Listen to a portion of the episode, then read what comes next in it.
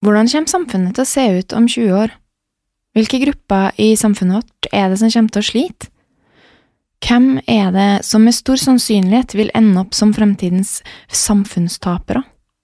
Hvilke mennesker er det vi overser en dag i dag, som vil merke det i 2040? Og er det i det hele tatt noen grunn for at vi skal bry oss om hvem det er som havner utafor? I dag får vi besøk av Philip Rygg fra tankesmien Skaperkraft, som har skrevet en bok om nettopp dette temaet. Vi er Kenneth og Maria. Velkommen til Fundert.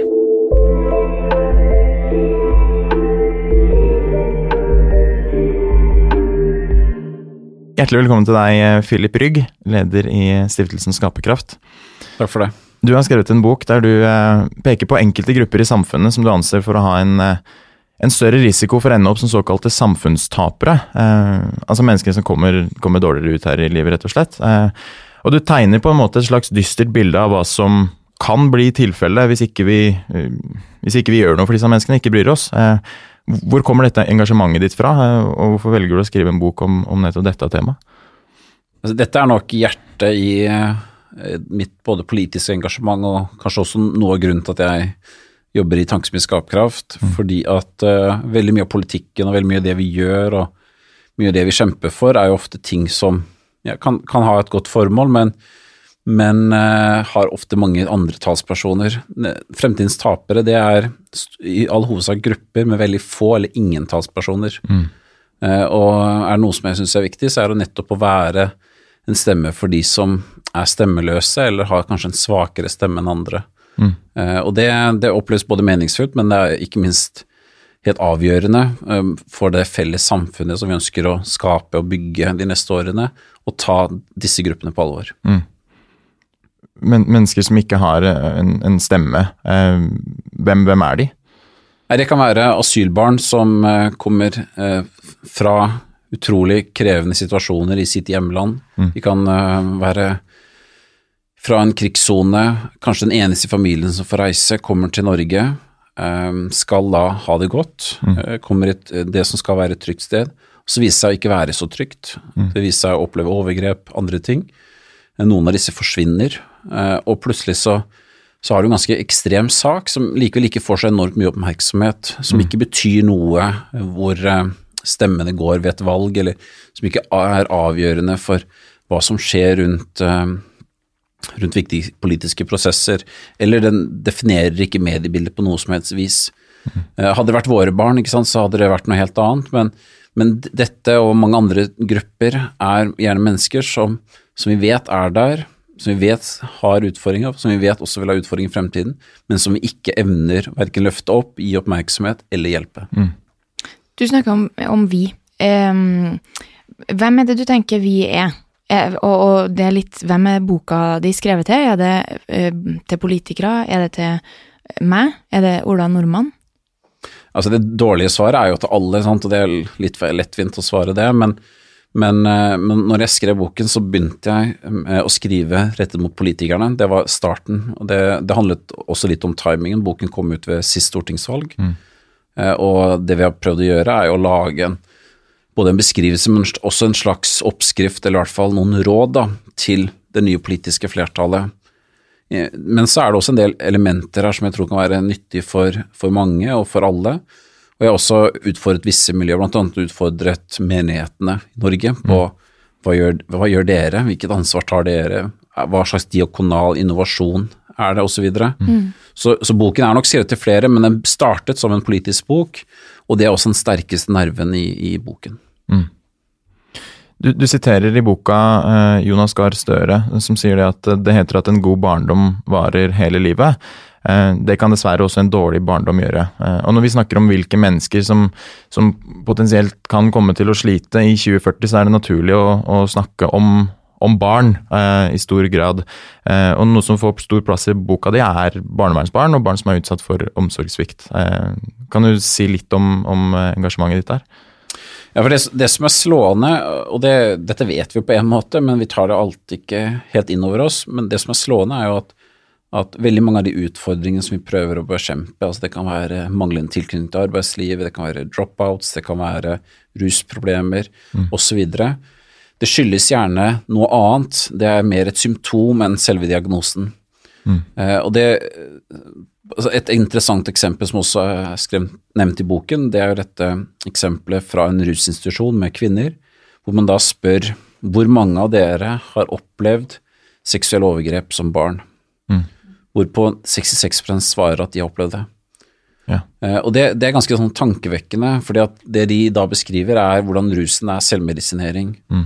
Og så kan vi jo gå tilbake til vår egen skolehverdag, eller til min skolehverdag, hvor jeg husker vi ble advart mot rus, og det kom en tidligere narkoman og snakket om farene ved rus osv., og, så videre, og vi skulle bli skremt fra å prøve ut rusmidler. Mens det som egentlig er utfordringen i min klasse, det er den ene eller kanskje to eller kanskje tre som opplever grå omsorgssvikt, Ja, som ikke er fristet av rusen fordi de har et ungdomsopprør, men som ser på rusen som selvmedisinering. Mm. Og nå, nå er det alltid litt sånn skummelt å begynne å snakke sånn som dette, fordi du forenkler og kanskje ikke får med alle nyanser, men, men mitt hovedpoeng er at veldig mange av de utfordringene vi ser, og som vi prøver å bøte på med ganske store offentlige ressurser, det handler egentlig om en barndom, en dårlig barndom, som varer livet ut. Nettopp. Nettopp. Du sier jo at barnevernsbarna da er særlig utsatt, eh, Philip. Ehm, og i boka di så sier du at eh, det ikke er mulig for barnevernsbarn eh, å få de samme mulighetene som andre barn. Hva er det du legger i det? Jeg håper ikke jeg sier det så eksplisitt, men, men jeg, jeg mener det nok i stor grad, fordi at eh, hvis du ser på en del store undersøkelser der man virkelig har brutt, tatt de store tallene, gått gjennom veldig mange saker, sånn som NOVA har gjort og andre, så ser man at uh, to tredjedel av uh, bar såkalte barnevernsbarna uh, dropper ut eller faller ut av det som man vil si er en type en vellykket eh, tilknytning til samfunnet, altså jobb, bolig, utdanning osv. Mm. Eh, og det, det som er tankevekkende med det, er jo at man bruker enormt mye ressurser på en ganske stor gruppe mennesker uten å få de resultatene som vi forventer. Eh, Og noe av det skyldes nok at man har kommet for seint inn, ikke sant? eller at det har skjedd veldig veldig dramatiske hendelser som er vanskelig å, å, å gjøre noe med. Men noe skyldes jo også at man rett og slett ikke er god nok, at man ikke har et godt nok barnevern, at man ikke er flinke nok til å skape stabilitet, at det blir mange flyttinger, at det er eh, hjelpetiltak som ikke fungerer, osv. Så, videre. Eh, så her er det en, en vanvittig stor kombinasjon av årsaker, men, men det sørgelige bildet og det som gjør at jeg nesten syns det er vanskelig av og til å, å sove, det er at det er ufattelig mange barn som på tross av hjelp likevel ikke får det godt. Mm. Og det er, ikke, det er ikke skrevet som en kritikk av uh, barnevernet, men det er skrevet som, et, uh, som en sorg og som, som, en oppfordring til at vi er nødt til å gjøre noe med barnevernet. Vi er nødt til å gjøre noen grep der. Mm. Og vi må selvfølgelig, dette er litt som å slå inn åpne dører, men vi må gå inn mye tidligere. Mm. Uh, og det, det som er litt av fortvilelsen fra mange barnevernsansatte, det er jo at man går inn, med mindre det er veldig klare bevis, så skal man prøve ut enormt mange tiltak hjemme før man kan gjøre noe litt mer dramatisk. Ja. Og det, hva er det det fører til? Jo, det fører til at du lever kontinuerlig med omsorgssvikt i flere år. Mm. Og da er gjerne skadene eller ulempene som du har påført, så store at det er nesten umulig å korrigere det i en ny familie Ja. eller i en eller annen institusjon, eller hva det skulle være. Så, så utfordringen er jo at vi da vi vet om en gruppe som sliter. Vi, bruk, vi går seint inn i det, og når vi går inn i det, så klarer vi ikke da heller å hjelpe de, og de kommer da ut som voksne med manglende familietilknytning, med manglende stabilitet i livet og manglende forutsetninger for å få seg utdanning, få seg jobb, få seg familie osv. Du peker jo på en god del ting i det du sier der, i forhold til hva som er utfordringa med, med barnevernet. Eh, du skriver i boka di at tre av ti voksne klarer seg bra av barnehjemsbarn, og det er jo ikke et uh, muntert tall. Uh, flere sliter med, med selvskading, selvmordsforsøk, uh, posttraumatisk stress. Og allikevel så er du en barnevernsforkjemper. Kan du fortelle litt Du var inne på det, men kan du fortelle litt mer? Hva er det som gjør at du heier på barnevernet likevel?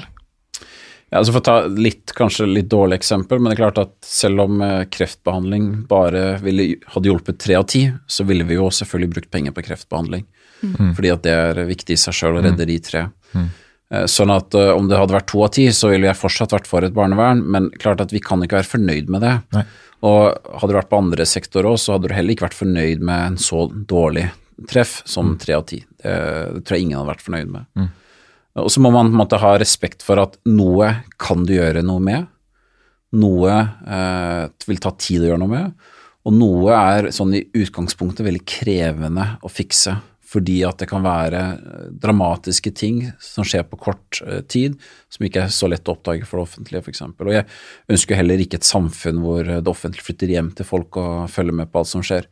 Mm. Eh, sånn at her, her, må man finne gode, gode mellomveier. Men, men klart, tre av ti, det er, det er, ekstremt dramatisk. Og jeg tror hvis du jobber i barnevernet, så syns du det er et forferdelig tall. Mm. disse biologiske foreldrene som blir fratatt barna, vil også veldig lett kunne peke på barna og si at se, dere klarte ikke noe bedre dere heller. Mm. Så vil jeg kunne svare tilbake at ja, men det er fordi at de hadde et så utrolig krevende utgangspunkt. Eh, men, eh, men samtidig så, så, tror jeg at vi Det er mange som sier ja, vi bruker så mye penger på barnevernet. Jeg, vet du hva, jeg tror faktisk vi må bruke mye mer. Mm. Men bare innse at kostnadene, selv om ja, det er kanskje dyrt nå, men det bør antakeligvis være enda dyrere, fordi at det er i hvert fall dyrt i 2040. Mm. Og det er jo litt av liksom, hovedessensen i boken at uh, mange av disse gruppene Ja, det er dyrt å gjøre mer for asylbarn. Ja, det er dyrt å gjøre mer for barnevernsbarna. Det er dyrt å gjøre mer for å avdekke seksuelle overgrep. Jeg vet hva, Det er peanuts sammenlignet med den samfunnskostnaden når 2040. Og det er i hvert fall ingenting sammenlignet med den personlige kostnaden. Mm. Med et liv ut i utenforskap, med et liv som er krevende å bære, osv. Så, mm. så Så ja, jeg tror faktisk at noe av svaret her er å også bruke mer ressurser. Mm. Men å bruke spredt måte og bruke tidlig, tidlig nok. Mm. Et problem som du tar opp i boken din, er dette med at barnevernet ikke snakker sammen på tvers av kommunegrenser. I hvert fall ikke i så stor grad. Eh, og Så oppsummerer du boka di ved å, ved å komme til, med ti ønsker til det nye Stortinget. Eh, og Et av de punktene det er en barnevernsreform. Kan du si kort om hva som er problemet med, med eh, at det ikke er kommunikasjon på tvers av kommunegrensene, og, og dette ønsket om en barnevernsreform? Det har definitivt blitt bedre.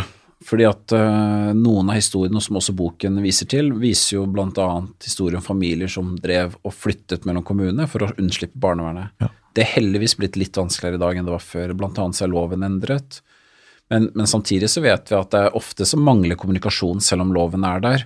Og det som skjer er jo at uh, man kan ha en historie med barnevernet. Kanskje ikke det har blitt en formell sak, men det har vært noen varslinger osv. Så, videre. så flytter du, mm. og så får man ikke den informasjonen videre. Så kommer det kanskje en ny uro, men man flytter igjen osv. Så, mm. videre. så kan man på en måte være på rømmen for barnevernet i Norge. Eh, og det er flere veldig veldig grove saker hvor, eh, hvor dette er tilfellet. Eh, også hvor det har vært informasjon som er gitt mellom, men det har gjerne ikke vært den kunnskapen som en saksbehandler har, som kanskje ikke nødvendigvis står i et papir, men som en saksbehandler da har opparbeidet seg. Mm. og når vi snakker om barnevernsreform, så er det, dette her selvfølgelig et uh, veldig viktig tema. Eh, men det handler jo også om hvilket ansvar man har for å gripe inn tidlig nok. Det handler om hvordan man bruker familievernet. Det, det er jo sånn at uh, veldig mye av det barnevernet gjør, er jo typer den derre uh, myndighetsrollen hvor man griper inn hvis noe ikke er godt nok. Det kan også tenkes at man skulle sett på en veldig stor styrking av det som ikke handler om den utøvelsen, men kanskje om familievernet, hvor man kan atskille dette noe fra hverandre. Mm. Um, for det er jo opplagt også mange familier som med litt hjelp kunne fått til mye bedre. Og jeg har selv vært inne i flere sånne saker hvor man har sett at dette handler egentlig om kunnskap, mangel på kunnskap, kanskje mangel på, på enkelte ressurser osv. som kunne vært løst. Men i de store, alvorlige sakene så handler det om å være inne tidlig nok. Og kanskje også, jeg vet at i Norge så er det en veldig sånn idé om at det biologiske prinsippet gjelder veldig sterkt. Eh, men jeg tror dessverre at det har vært veldig ødeleggende for mange barn hvor man har eh, liksom håp at det skal bli bedring. Og så vet vi hvor sårbart barnet er de første årene. Eh, og så man, skal man hele tiden sjanse på at ja, det blir jo sikkert bedre snart, og så blir det ikke det. Og så er man skadet for resten av livet. Ikke all omsorgssvikt er konsekvenser av foreldre, foresatte eller barnevernets handlinger. Eh, det mest nærliggende å snakke om da er mobbing. Mm. Knut Arild Hareide har også eh, uttalt at fremtidens tapere handler om utenforskap. Eh, og er det noe som er med å bidra til at mennesker havner utenfor eh, og blir isolert, så er det som vi vet mobbing. Og mobbing er også et tema som har fått plass i, i boka di, Philip. Kan du fortelle litt om hvorfor du har valgt å skrive om, skrive om det? Mobbing har alltid vært en viktig sak for meg. Jeg var i to år skolebyråd i Bergen. Da, da opplevde jeg at, uh, at det, mobbing var sånn type ting Ja, det er vi, det er vi mot. Mm. det er lett å si det, liksom. Det er som å si at du er for fred og mot krig. Ja. Eh, men så, så, gikk vi inn på den enkelte skole, og så så vi at for det første så var tallene veldig forskjellige. Altså Noen skoler hadde høy andel mobbing, noen hadde veldig lav andel. Når jeg snakket med de enkelte rektorene, så var det noen som sa at eh, nei, her hos oss er det ingen mobbing. Altså, mm. sånn, da, det var sånn første red flag, altså da visste man at her må det være noe. Ja. Uh, og så har du liksom, så Det var det jeg opplevde sånn i praksis, at det var veldig ulik forståelse, veldig ulike tall. Så hadde du de store tallene som viste at i Norge så var det en veldig høy andel elever som ble mobbet. Vi har tall fra Sverige som også er henvist til i boken, hvor samfunnskostnaden ved mobbing er veldig dramatisk. At det koster samfunnet enormt mye penger mm. at man havner utenforskap fordi man da eh, et dårlig psykososialt miljø. Eh, og vi, vi gjorde bl.a. en ting i Bergen hvor vi sa at eh, nå skal alle skoler gjennomføre et eh, sånn og sånn program, og vi skulle gjøre noen grep. Og det var jo enorme protester fra en del rektorer. Mm. Ja. Så husker jeg En av de tingene som grep meg veldig, det ringer da en person til meg og, og forteller om eh, eh, hvordan vedkommende hadde funnet sin datter den kvelden mm. eh, i et selvmordsforsøk mm. fordi at hun hadde opplevd så mye mobbing på en bergensskole. Eller på en av disse skolene som ikke anså at mobbing var så veldig viktig. Ja, og det grep meg så veldig, og fra den dagen så tenkte jeg liksom, nå gir jeg blaffen i Mm. Alle som sier at dette er, eh, har vi ikke tid til, eller Og vi, vi kjørte veldig strenge programmer, tvangsinnførte mobbeprogram. Uh, og et par år etterpå så var, husker jeg det kom en dame til meg på togstasjonen, helt tilfeldig. og Det er veldig sjelden du som politiker får positiv feedback. Mm. Som regel så får du liksom kjeft. Så kommer hun og ser meg i øynene og sier jeg vil bare takke deg for det du gjorde på mobbing. Ja. Det betydde jo så ufattelig mye. Så spoler vi litt frem, så sitter vi og skriver denne boken. Uh, ser da tall fra Sverige, ser på en del statistikk i Norge. Um, snakket med Stiftelsen Rettferd for taperne, som for øvrig har vært med og uh, sponset denne boken. Mm. Uh, hvor de da de beskriver, svenskene beskriver, om stadig flere saker med alvorlige tilfeller av mobbing som har fått store konsekvenser så store konsekvenser at folk er utenfor arbeidslivet. Vi får de første erstatningssakene, store, grove erstatningssakene på, mm. på dette. Mm. Um, og da slår det meg at vi har sett på mobbing som sånn derre uh, nice to move, altså nice til å få vekk. Det er, mm. det er, noe vi som er fint å få vekk. Mens det vi egentlig må se på mobbing som, det er noe vi bare er nødt å ta vekk. Altså det er på en måte det er, ikke, det er ikke bare noe du Det er ikke en add-on, men det er en av hovedoppgavene for eh, norsk skole, for oss som foreldre, for oss som samfunn, å adressere dette her. Mm. For det har dramatiske konsekvenser. Det tar faktisk liv, mm. og det bidrar til utenforskap. Eh, og Det er mye mer alvorlig enn du får frem i statistikk. og Det er derfor jeg også har lurt på ikke sant? Må vi gjøre som svenskene, må vi synliggjøre kostnadene? Altså, hva er det som gjør at, Hvordan kan vi våkne? For jeg, jeg, jeg fatter det på en måte ikke. Mm. Det er så grove saker. og um, og det er, eh, Boken beskriver også denne saken med Odin. ikke sant? En, ja.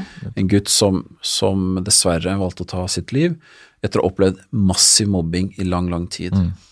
Uh, og det, det, er nødt til, det taler sitt klare språk, og det er nødt til å få konsekvenser, og nødt til å få praktiske konsekvenser mm. uh, for oss. Mm. Jeg merker at jeg sjøl også, når jeg, sant, når jeg er foreldre, jeg har tre barn, går på foreldremøter osv., jeg merker at jeg har blitt veldig sånn engasjert i hva som skjer i klasserommet til, til mine barn. Mm. Fordi at jeg ser hvor alvorlige konsekvenser dette mm. kan få. Mm. Ifølge en uh, elevundersøkelse fra 2016 så er det 39 eh, 000 barn som opplever at de er utsatt for mobbing. Uh, du er litt inne på det, men tror du det handler om at vi som voksne rundt ikke tar det på alvor? Ikke, ikke Som du sier, bergensskolene som har såpass grove mobbetilfeller, men ikke ser det selv. Hva, hva, er det som gjør at vi ikke ser? Må jeg først presisere at det har skjedd mye i bergensskolene de siste årene. Eh, sånn at eh, Jeg tror også de har fått ned tallene, og det har skjedd mye siden jeg eh, forlot den jobben. Men, men jeg tror at noe av grunnen til at vi ikke ser det, er jo fordi at selv om 39 000 er et høyt tall, så er det jo fortsatt sånn at det store flertall har det jo veldig bra. Mm. Det store flertall uh, har det greit, opplever det bra. Um, og det er nok også veldig vanskelig å se konsekvensene av uh, vedvarende mobbing. Uh, og det vi ofte ser, ikke sant, er at blir du mobbet, så er det gjerne sånn at det er ikke den som mobber som bytter skole, men det er offeret for mobbing som bytter skole. Så det har ofte liten konsekvens for den som utfører det. Um, og så kan det være Mobbing trenger jo ikke nødvendigvis heller være én person, eller at det er én ondskapsfullt menneske som, som, har gjort noe, men det kan være helheten av et, et klassemiljø, f.eks., som uh, mm.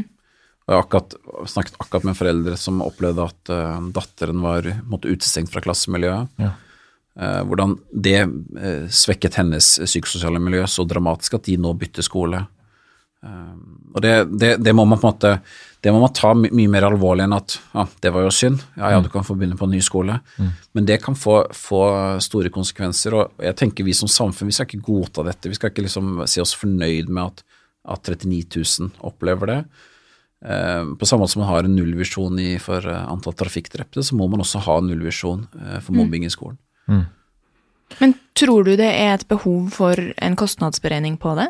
Eh, tror du det vil være med å gjøre at det blir innført eh, reformer eller tiltak som kan bedre det? Er det det som må til?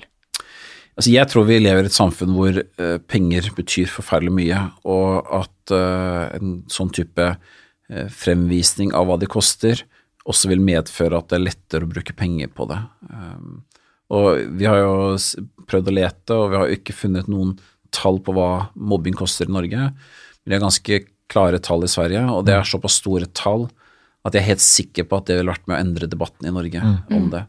Og så er jo Det som er utfordringen med sånne saker som dette, er at det er noe, dette har vi snakket om i 20 år. Mm. Så man er nesten litt sånn lei av hele debatten om mobbing. Jeg kjenner det litt sånn sjøl òg. Når jeg nå begynner å snakke om det, så har ikke jeg snakket om dette før? Jo, jeg har jo selvfølgelig det. Mm.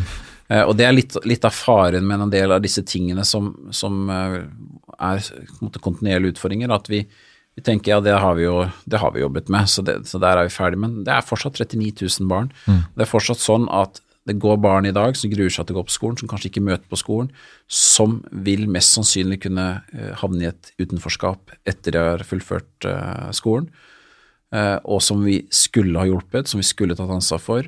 Så har det skjedd litt med lovverket. Da Stortinget har strammet litt inn grepet, det har blitt vanskeligere å på en måte ikke rapportere osv. Uh, men fortsatt så er det sånn at eh, det er veldig mange barn som ikke får hjelp, det er mange som ikke blir tatt alvorlig. Og det er ofte også vanskelig. Eksempel sånn at skal du klage på en skole fordi de ikke griper inn i mobbing, så må du fortsatt være elev på skolen. Mm.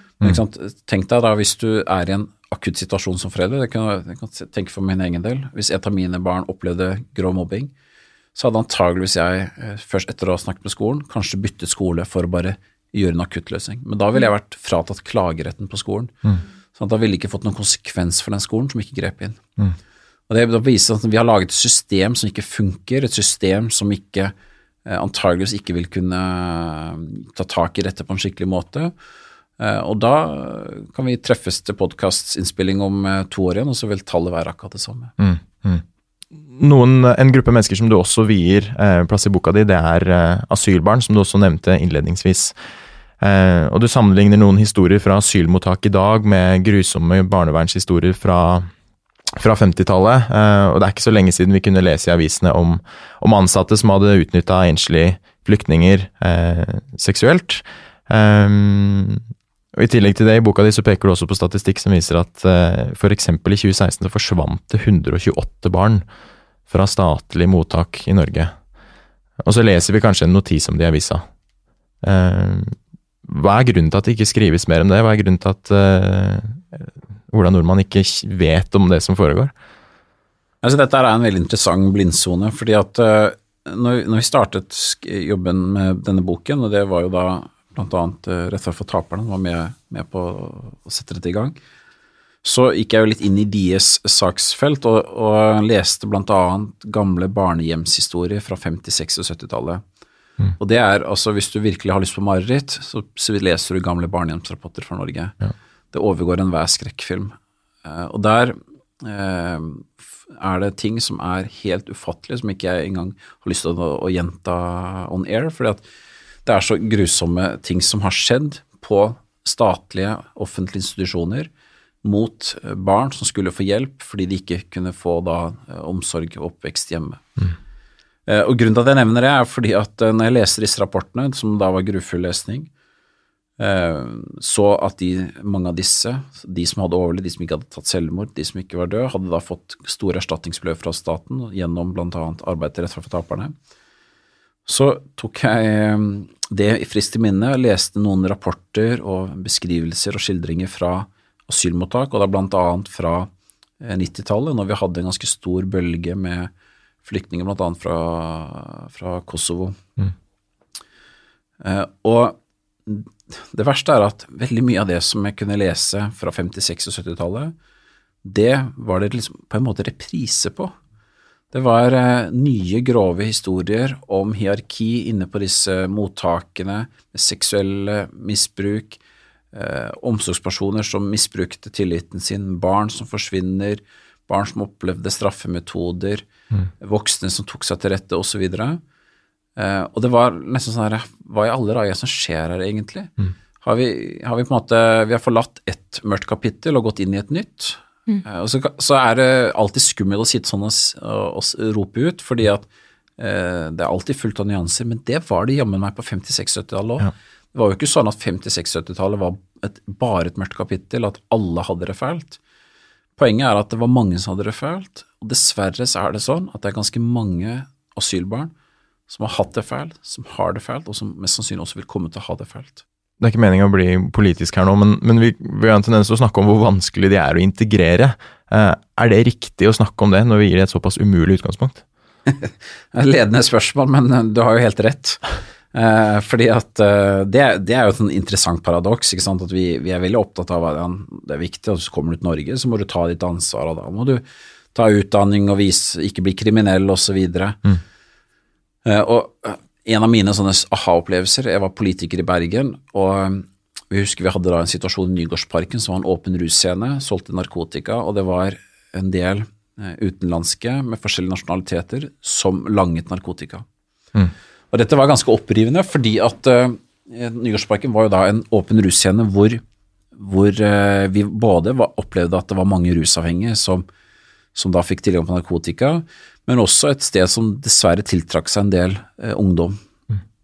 Og For politiet og for det offentlige og for oss som politikere så var det veldig viktig å ta tak i det. Så jeg husker politiet hadde en aksjon, fikk sendt ut mange av disse kriminelle langerne. Og jeg, jeg sjøl var veldig glad for det, for jeg tenkte at uh, så bra, nå er det tryggere for norske barn, nå er det tryggere for, uh, for oss, uh, og det er mindre tilgang på narkotika midt i Bergen sentrum. Mm. Og Så snakker jeg med utekontakten eh, dagen etterpå eller et par dager etterpå, og så sier hun liksom at vet du hvem disse langerne var? Hvem var disse her kriminelle asylantene som drev og langet narkotika? Jo, det er altså barn, ofre for menneskehandel. De har vært sendt på en dopturné, de kommer gjerne fra Afrika, sendt inn i Europa, forskjellige land, blitt grovt seksuelt misbrukt, blitt misbrukt eh, arbeidsmessig, mm. vært sendt ut. Og når de da endelig kommer til Norge, kanskje på det siste punktet på denne lange reisen.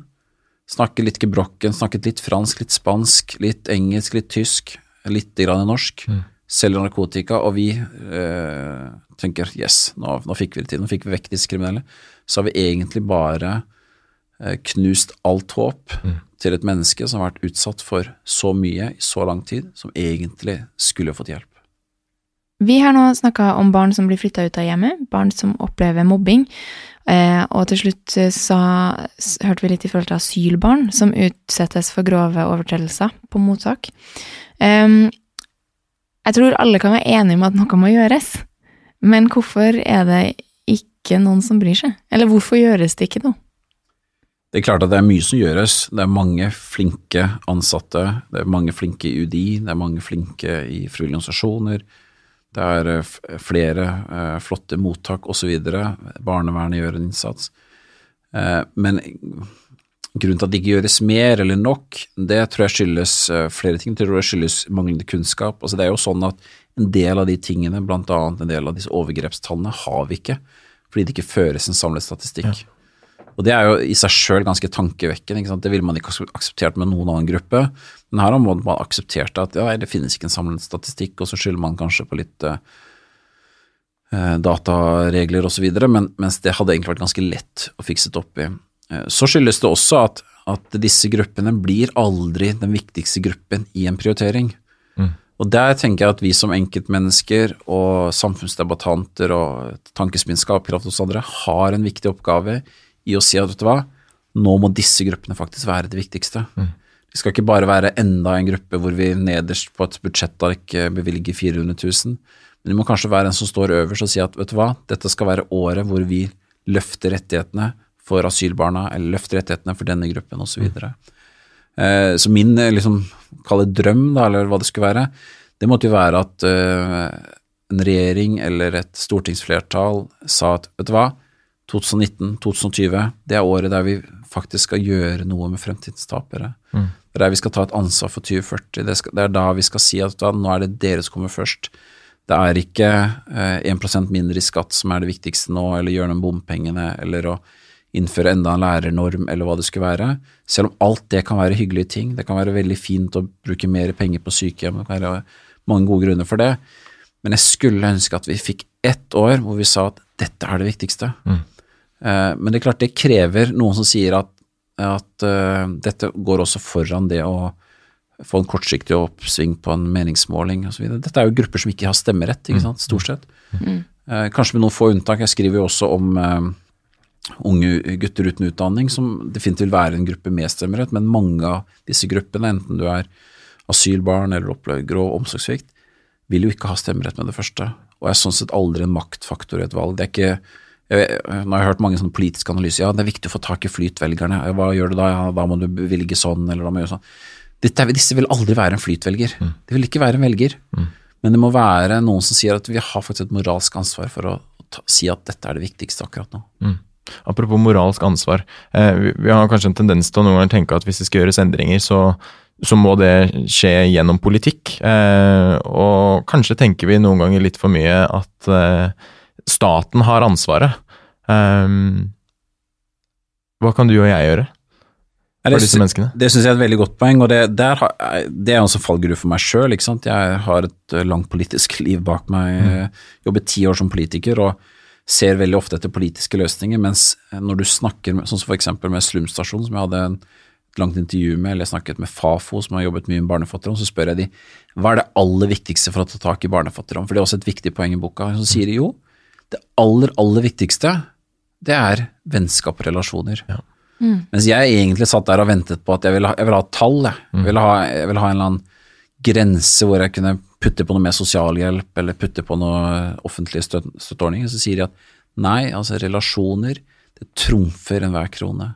Så er det selvfølgelig ikke sånn at man klarer seg med relasjoner alene, du må ha penger.